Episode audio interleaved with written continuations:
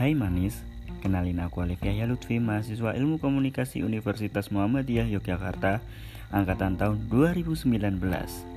Di podcast ini, aku mau cerita tentang jenis lembaga penyiaran. Teman-teman ada yang tahu? Oke deh, aku cerita aja ya.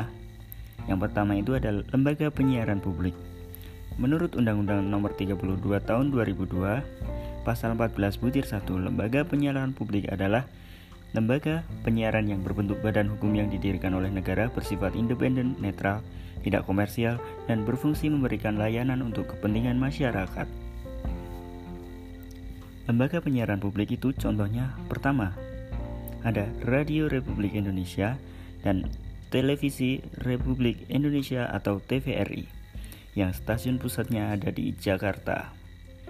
RRI dan TVRI memiliki cakupan wilayah siaran nasional dalam rangka mencakup wilayah siaran nasional, TVRI maupun RRI memiliki stasiun-stasiun relay di kabupaten kota yang menerima siaran stasiun pusatnya melalui satelit atau terestrial.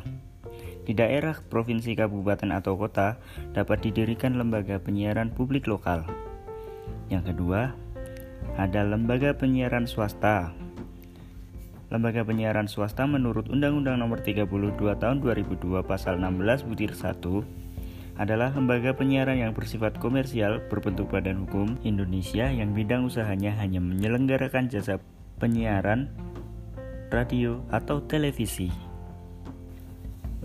Lembaga ini menjual usahanya berupa waktu tayang atau airtime, iklan, dan usaha lain yang sah terkait dengan penyelenggaraan penyiaran stasiun swasta diselenggarakan melalui sistem terestrial atau sistem satelit analog atau digital.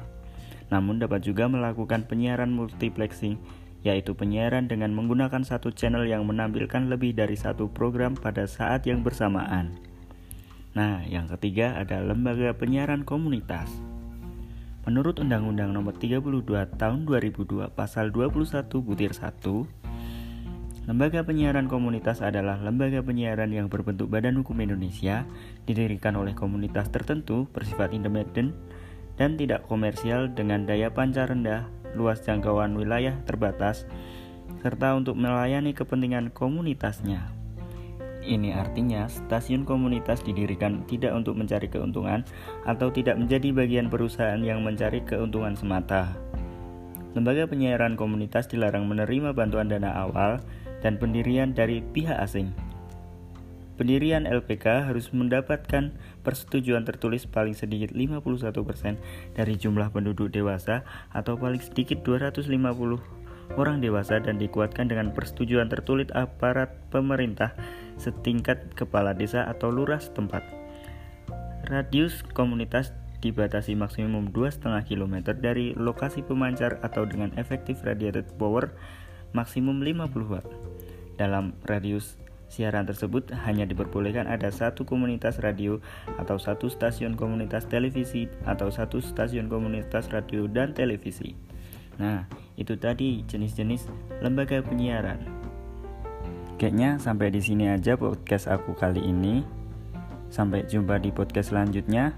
Bilangin salam ke mama kamu dari aku. See ya.